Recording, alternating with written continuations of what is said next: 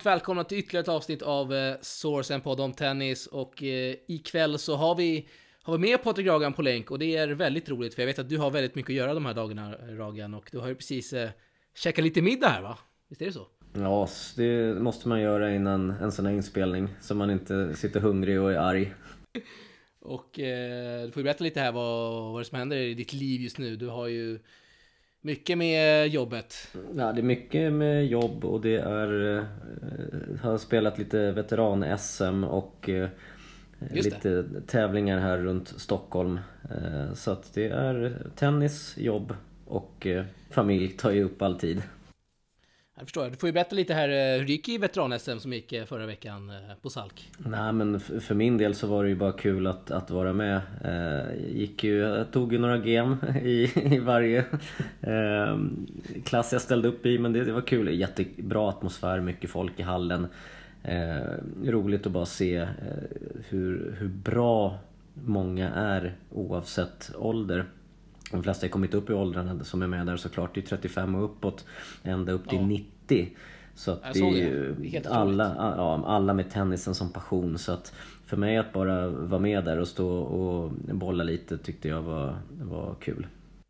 Ja, Shoutout till eh, veteran-SM där i Salk, eh, gör ett eh, gediget jobb. Fantastiskt att se. Ja, verkligen. Får passa på när det var i Stockholm också. Vad sa du, förlåt? Jag fick passa på när det var i Stockholm också. När man, när man bor här så är det lätt att bara ta sig dit och köra. Helt rätt, helt rätt Dragan. Vi har ett späckat körschema. Vi, vi ska vara effektiva då. Vi har sagt under 35 minuter, eller hur? Ja, det tycker jag. Jag vet inte om du lyssnade på vårt förra avsnitt där med Erik Jonsson. Då var det nästan en och en halv timme. Oj! Ja, det var långt. Nej, jag har inte hunnit att lyssna på det. Jag misstänkte det.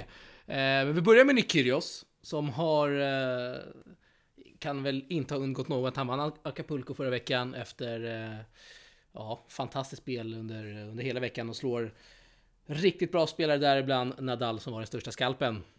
Eh, matcherna gick ju väldigt sent, typ 3, 4, 5 varje natt. Men eh, som du och jag snackade lite innan här, det, var, det finns ju fina highlights-paket att se från eh, Kyrgios matcher. Vad, vad säger du om hans insatser?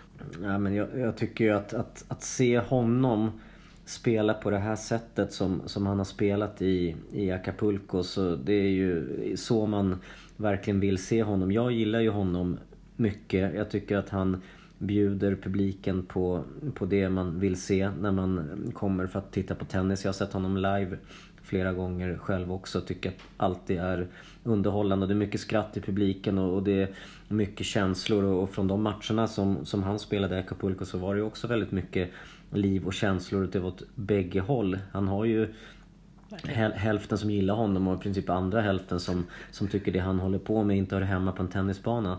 Så att när han plockar fram det här spelet som han gjorde i Acapulco visar ju hur mycket han har i sig egentligen att jämföra till exempel då med Delray Beach veckan innan där det var mycket mindre publik och där han inte riktigt blev lika inspirerad. Jag såg ju den matchen också mot Nej. Radu Albot där och Albot sedermera vann. Det var ju den matchen.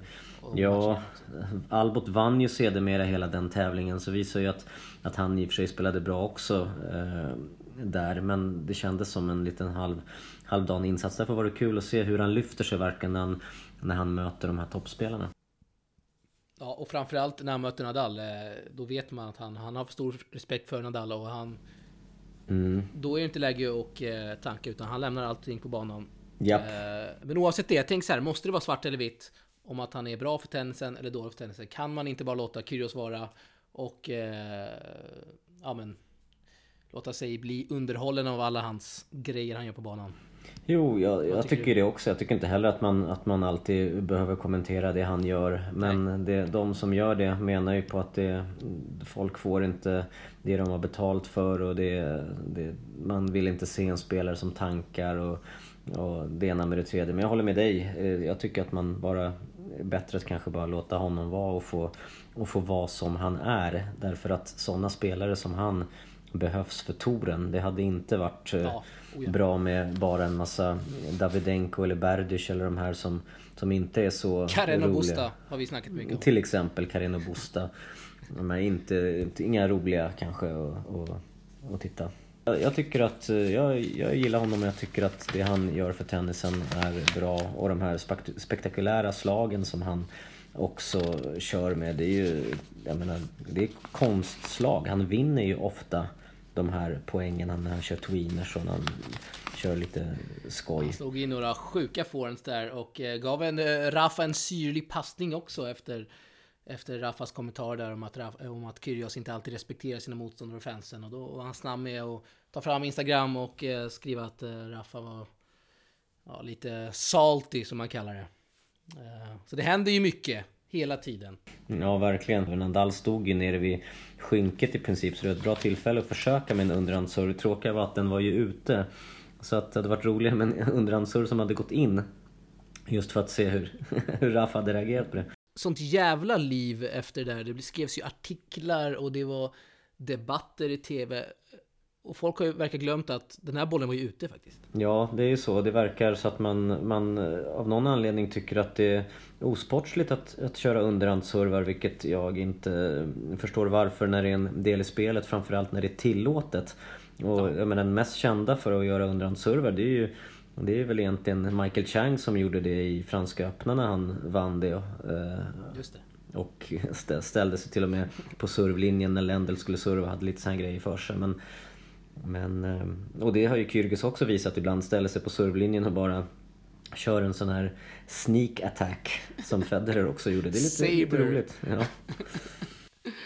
Ja, oh, herregud. Ja, nej, eh, behöver inte vara svart eller vitt alltid eh, om Kyrgios. Det är vi överens om, Ragan. Nej, verkligen. Och, och, de fantastiska spelarna han slog där också visar att han faktiskt kan ha jämnheten också. För det har ju tidigare visat att han kan slå toppspelare. Men i matchen efter kanske förlora mot någon sämre rankad eller han kan inte hitta riktigt gnistan. Här tar han fram den i, i fem matcher och gör det otroligt bra. Så det var kul att se. Han var ju definitivt värd mer än 500 poäng för, för de här segrarna. Han fick lika mycket poäng som som eh, den som vann Rio de Janeiro, eh, Laszlo Djere, bara veckan innan. genom att inte slå någon spelare som är rankad topp 50 i princip. Ja, Kyrgios gör en fantastisk vecka, det har vi snack, snackat om. Tror vi att han eh, någon gång kommer kunna vinna en Grand Slam och, du, och liksom prestera i två veckor, match efter match? Har han fokuset till det? Orkar han med det? Ja, det... Nej, det, det där ska vi inte riktigt gå än tycker jag. Han har ju inte visat i någon Grand Slam hittills att han, att han är redo för det. Utan han har några tredje omgångar och någon fjärde omgång och mest förluster tidigt. Så det verkar som att han inte klarar av att, att hålla det fokus som krävs eh, i en match eh, bäst av fem set. Vilket även många andra i hans Eh, generation och de som är lite yngre också har visat att det visar sig vara mycket svårare att lira eh, bäst av fem än bäst av tre. Ja. Så att ingen egentligen i den här yngre generationen har slagit igenom i slamsen ännu. Nej, det är väl Sverre tydligaste exemplet. Exakt. Har ju Verkligen. Inte alls lossnat.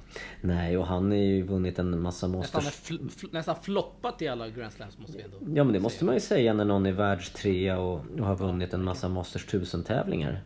Definitivt. He's done it! There it is! Nick Kyrgios. It was written in the stars in Acapulco. And he has claimed his fifth title here in Mexico. What a performance, what a week from Kyrgios. And he has been simply awesome in Acapulco. Seppi, Nadal, Vavrinka, Isner, and now Zverev have all been cast aside by this hugely talented, highly complex character. Vi lämnar Kyrgios eh, för denna gång. Vi ser fram emot honom i Indian Wells istället. Ja, det gör vi. Vi har ingen eh, lottning där ute ännu. Vi spelar in det här på tisdagskvällen. Lottningen kommer ut imorgon va, onsdag? Precis, mardröm att få honom där. Han har sagt själv att han är väldigt laddad för, för Indian Wells och Key Biscayne Ja, han eh, får hitta någon annan uppladdning. Han körde ju jetski inför varje match där i Mexiko. Får hitta något annat att koppla av med där i Indian Wells. Jag vet inte vad man kan... Eh, vad kan man syssla med inför matcherna? Där i Kalifornien. Jag vet, har du något... Har du varit där förut? Nej, jag har inte varit där men det ser ut som att det, det ligger lite grann utanför. Det är lite öken och det kanske är lite lugnare än, än... Det finns kanske inte så mycket lockelser utan det är eh, vad ska man säga, miljön och den lugna atmosfären som, som eh, spelarna brukar lyfta fram är jätteskönt där. inga köer till matcherna utan allt finns på anläggningen och man bor nära och så. Fantastiskt och eh, ska gå vidare i podden och prata om Mikael Ymer som förlorade i den tredje omgången i PA Challenger. Ser man så jag på ragen? Just det. Challenger. Pau, eller på. Säger man Pau? På. Eh, Den, är Fran- den var i Frankrike så det blir ju på. På. På Mm. Challenger. Var är på. Han eh, torskar mot Grégoire Barrer. Är det bra uttal också? Fransmannen, första sidan. Just det, och det är väl egentligen inte så mycket att... Nej, och han vann tävlingen också. Ja, dessutom. Eh, första sidan och bra form. Eh, så att... Men det är, det är inte det vi ska ta ut härifrån. Nej. Utan det var ett litet utbrott där från Mikael Ymer mot eh, domaren. Eh, efter en lob då från fransmannen som eh, Mikael menade på var ute lite svårt att se från matchbilderna. Mikael var helt säker. Det, då stod det 6-3, 1-1, 0-15 underläge. Eh, och eh, Mikael sa då mer eller mindre att den här domaren kommer aldrig mer döma Mikael i hans karriär och att han kommer prata om ATP. Det är en skam.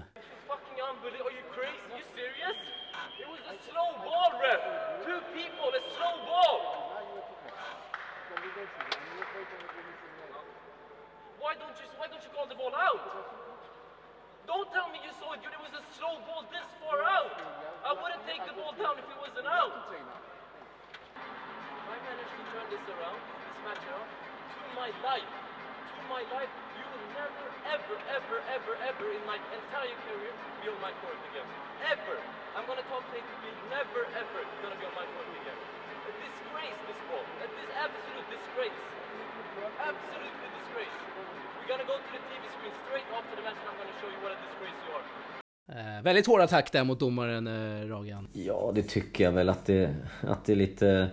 Kanske lite överdrivet och, och löjligt. Ja, lite väl hårda ord i, i en, i en Challenger-match i andra omgången. Utan det, det är klart att, att många lyfter fram härliga ögonblick mellan domare och spelare när McEnroe var igång eller Ivan Isevic eller Safin och de här eh, som höll på mycket förut. Men eh, ja, vad ska man säga? Det, det, det är klart att det kan vara underhållande på många sätt men det finns väl en, en gräns också. Samtidigt som det kanske är kul att se att han, att han visar känslor och, och vill mycket och, och så. Det finns liksom både en för och en nackdel med det. Men det är klart att man, att man får vara lite försiktig och domarna gör sitt bästa och behövs där också. Ja, samtidigt så känns det här som det börjar bli lite av en trend för Mikael Ymer. Det har hänt väldigt många matcher nu. Som vi har sett på Challenger-touren och eh, lite för ofta känns det som. Nej, det beror på om det, om, det, om det spelar in negativt eller positivt för honom att, att få de här utbrotten. Eh, hur matchbilden är efter det. I det här fallet så hjälpte det uppenbarligen inte. Svår, svårt att se att det ska vara en, eh, en positiv eh, grej, fast jag förstår eh, din tanke där. Mm, jag blir till att jobba med, med psyket, det mentala framöver. Ja, ja, det vet vi alla, vi som spelar tennis, att det inte är helt, helt lätt inte när man står där på banan. Det kan brinna till ibland. Det vet du kanske, du som spelat veteran-SM, eh, Patrik Ragen. Ja men där, där är de flesta är, är lugna. Är det städat? Ja, det tycker jag. Det är det, det är bra. Det är bra, härligt. Och eh, tillbaka till India Wells då. Vi ska prata lite vad svenskarna har att göra. Elias Ymer spelar i natt då. Så när, avslutet, när avsnittet är släppt så vet vi resultatet där. Han möter Darian King från Barbados. Eh, Barbados Finest som man kallas. Eh, de har 1-1 i, i matcher mot varandra. Jag såg senaste matchen, det var 2018 förra året när eh, Elias vann kvalfinalen i Australian Open. Tycker att han ska vinna mot King eftersom jag menar på att han är en bättre tennisspelare än Darian King. Har mer vapen, men Darian King är favorit på oddsen. Har också en lite bättre form. Det var en väldig missräkning där mot Thiago Sibot Wild eller Vilge eller hur man nu uttalar det. Brassarna har ju lite olika uttal där. eh. Thiago Seibot Wildy. Han flisade racket också för första gången i karriären. Elias Ymer kanske har lugnat sig efter detta. Ja men det, det tycker jag att i det där fallet eh, så hade det kunnat vara en, någonting som vänder matchen där han faktiskt får ur sig lite ilska och, och, det Jag tycker jag inte är fel att göra utan det, är bra att ibland kunna få ur sig det där och, och ändå visa hur mycket det betyder att man faktiskt vill, vill vinna och hur frustrerande det är när, när det inte går ens väg. Så att eh, jag tror att han är revanschsugen här nu och vill visa i, i Indian Wells och, och Key här nu att han, att han blir att räkna med. Ja, det får vi hoppas. Eh, Elias Ymer där eh, var, var ett otroligt publikstöd där från, från brassarna. Och vi har ju sett Elias nu ladda upp här med Simon Freund i Kalifornien där. Och Redfo, artisten eh, Patrik, som jag vet att du har bra koll på va? Ja men absolut, han är ju en riktigt eh, skön kille som, eh, som älskar tennis och som hängde med Azarenka för flera år sedan och, och syntes ofta på, på de stora De var arenorna. väl tillsammans va? De? Ja, de var nog tillsammans också. Eh, Däremot visste jag inte att han var så, så bra på att spela som han är. Han lite... har ju lirat eh, ITF-kval har jag sett här. Ja, jag tycker det är hur kul som helst. Det är- är en... Han är han är ju 41 nu, så det här var ju typ tre år sedan. Men det är ju, Mm. det är ju riktigt starkt. Ja, det, det är superkul att han håller på. Och jag menar för de som inte har, har sett honom så, så gå in på, på Youtube och googla LMFAO och sexy. Vad heter den? I, I'm sexy and I know it. I'm sexy and I know it. Det blir nog den låten vi avslutar det här avsnittet tror jag. Va? Ja, jag tror att det får nästan bli det. Eh, får bli- Där, där får man se hur bra han är på, på att dansa. Jag såg att, eh, såg att Freund la upp ett Instagram-klipp där, där Elias spelade volley. Han var, Elias var på en sida och så var Freund och Redfo på den andra sidan. Så körde de bara volley, volley till varandra. Eh, bra bollkänsla ändå på Redfo. Ja, men visst hängde han med bra? Han- Jag tyckte också det det. gjorde han. Riktigt Det var bra ju- faktiskt. Freund som missade där. Ja, Tråkigt för Freund att höra det här kanske, men eh, nej, det var nog Freund som missade den duellen. Han, eh, nej, bra, bra händer hade han. ja det tycker jag verkligen.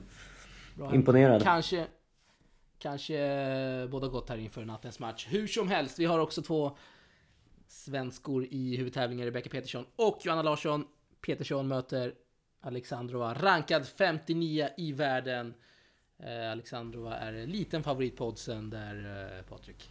Ja, det ska hon väl vara också med, med den start på året som hon har haft. Hon har en, en semifinal och en kvartsfinal från, från ett par WTA-tävlingar som gick här i, inomhus i Europa i, under februari. Så att hon är, eh, spelar bra tennis nu, har tagit upp sig till 58 plats, ungefär rankad som, som Rebecca. Det är bara att Rebecca inte har spelat lika mycket och kanske haft lite problem med skador.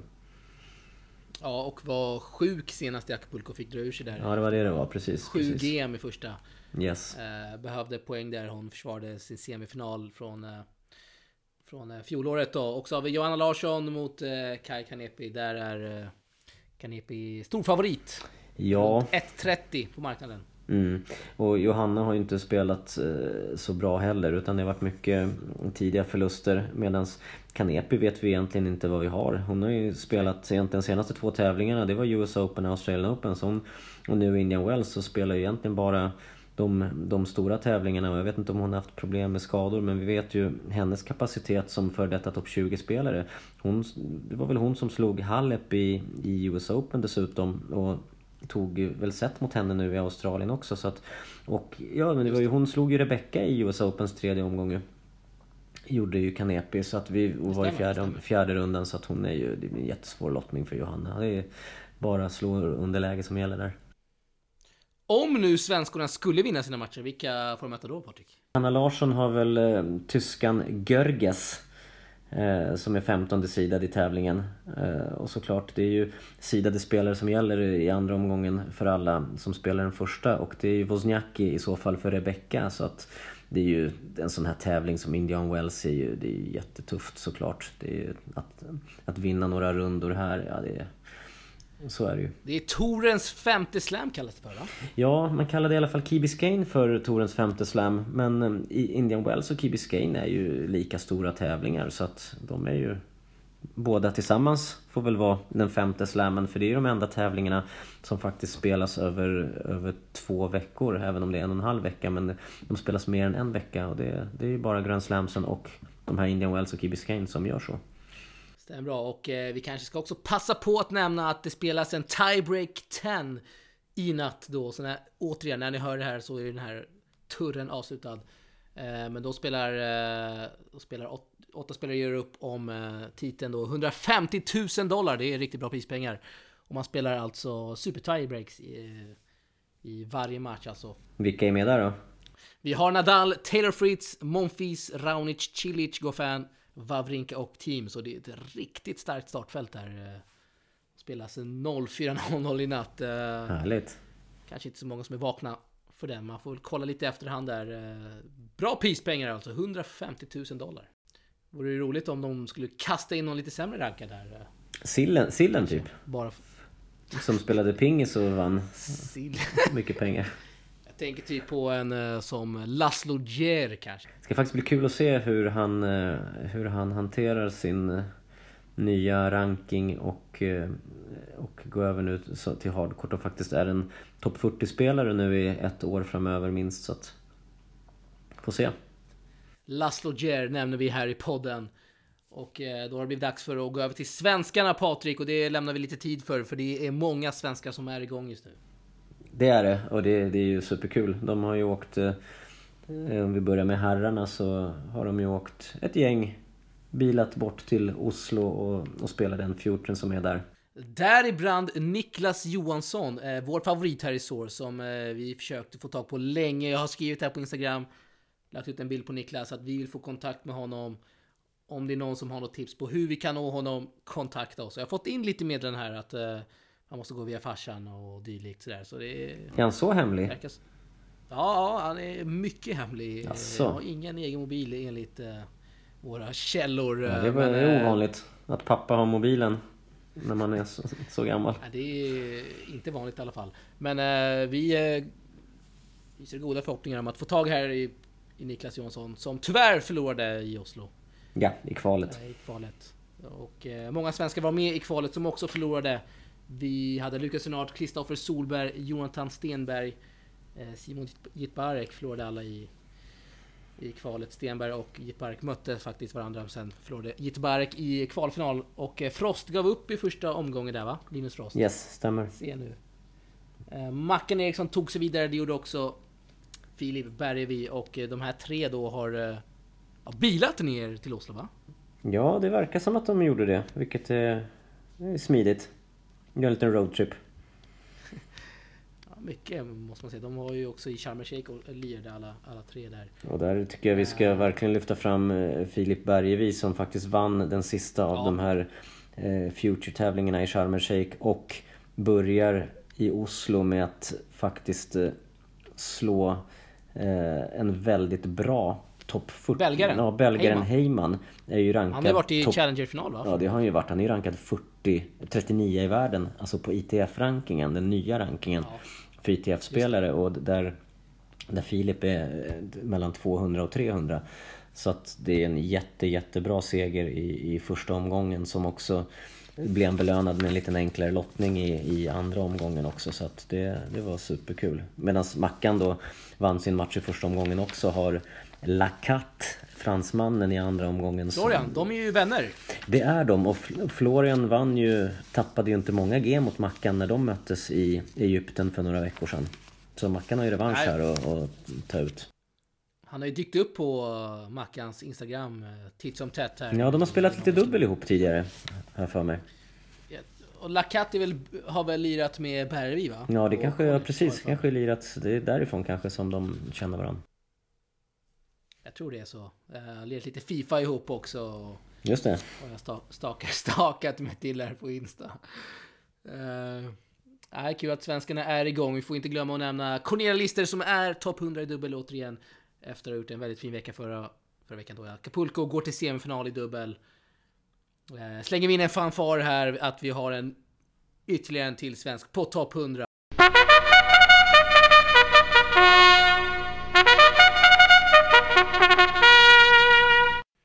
Vi har Marina Judanov i Sharm el Sheikh, vann också. Sen har vi tre svenska juniorer som är i farten i form av Leo Borg, Klara Milisevic och Kevin Shahoud.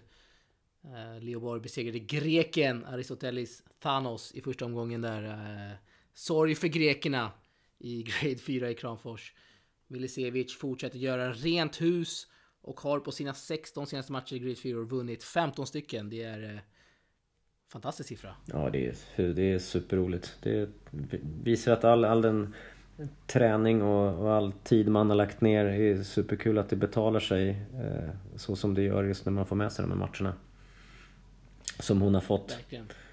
Och Grekland har ju haft tillräckligt med framgångar med Tsitsipas nu så det är ju kul att, att Sverige får vinna mot en grek här också med Ja. Leo. Ja, faktiskt. Eh, jag håller med. Eh, läste också häromdagen att det, det kanske blir en ATP-turnering i Grekland 2020. Det Vore ju hur stort som helst faktiskt nu där det råder tennisboom eh, där i Grekland.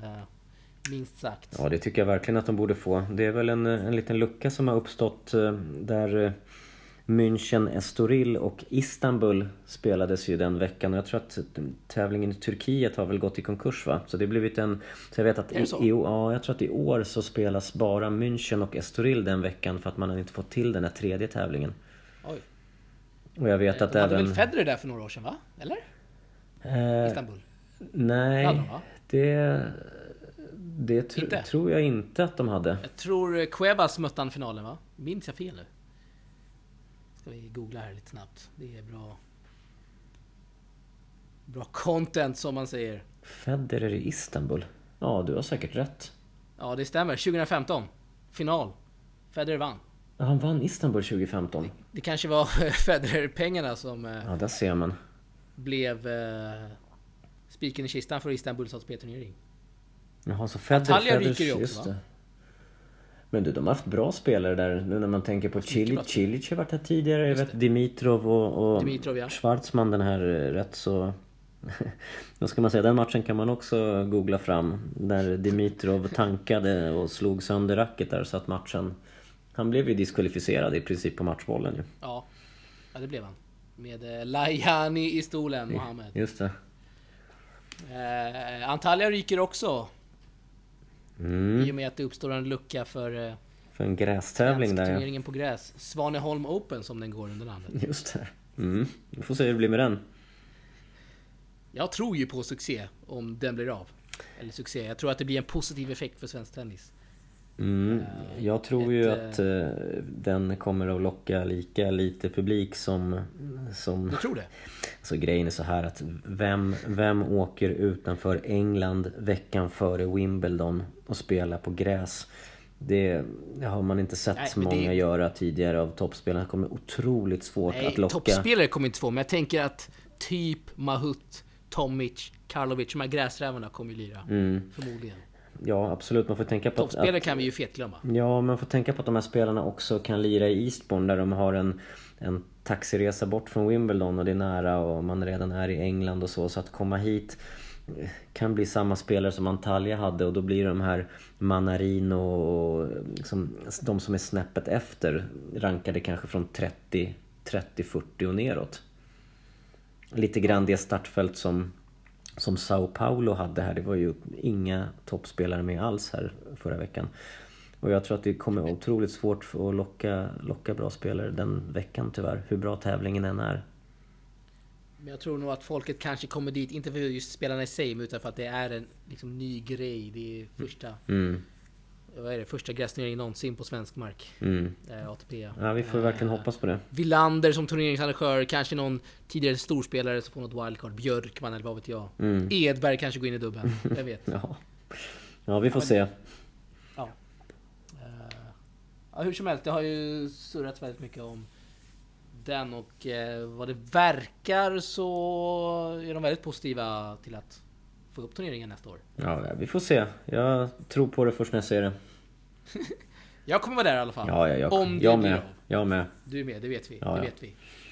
Det vet vi om. Eh, Patrik, vi har klockat in på 32 minuter. Vi har inte så mycket mer att säga. Snyggt! Nej, jag tycker vi har sammanfattat senaste tiden bra och nu lägger vi allt fokus på att kolla lite matcher från Indian Wells. Det super, super kul tävling. Där är en målsättning att åka dit någon gång och titta. Jag tycker det ser helt fantastiskt ut. Och det är Ja. årets första Masters 1000 och man har ju inte sett den här, vad ska man säga, de här toppnamnen i samma tävling sen Australian Open. Så man har ju verkligen längtat till, till den här tävlingen. Det är egentligen det st- största uppehållet mellan stora tävlingar är ju mellan Australian Open och, eh, och Indian Wells. Så att nu är man riktigt laddad och det är Just perfekt tid också, eh, kvällstid att titta på lite tennis. Ja, det är verkligen underbart. Eh, mycket tennis från Indian Wells. Det kan man se på Tennis-TV och eh, VTA-TV och lite obskyra fullstreamar. Vi kommer uppdatera er på våra sociala medier. Avslutar vi med låten, vad heter den? Sexy? I'm sexy and I know it med LMFAO. Tennisstjärnan Och jag är- Redfo som Sexy Sjunger. med Redfo och eh, hans gäng. Samtidigt som vi tackar eh, Patrik eh, för att du kunde ställa upp här mitt i familjesituationen och jobb och allt vad det är. Veteran-SM och allt. Alltid, alltid tid för tennis. Tennissnack. Eh, Då hörs vi vidare helt enkelt. Kontakta oss på Source and Podden Tennis. Vi finns överallt. Tips, gäster, allt möjligt. Det är bara att skriva till oss. Hörs nästa vecka. Ciao! Tack för det. Girl, look at that body. Girl, look at that body. I, I, I work out when I walk in the spot. This is what I see. Everybody stops and is staring at me. I got passion in my pants and I ain't afraid to show it, show it, show it, show it. I'm sexy and I know it.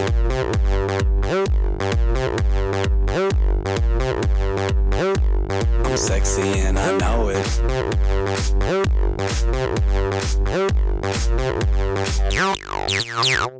Yeah, when I'm at the mall, security just can't fight them all.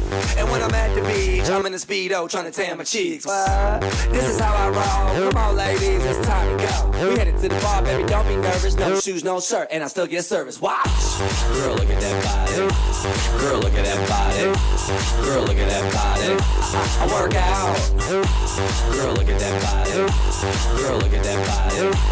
Girl, look at that body. I, I, work out when I walk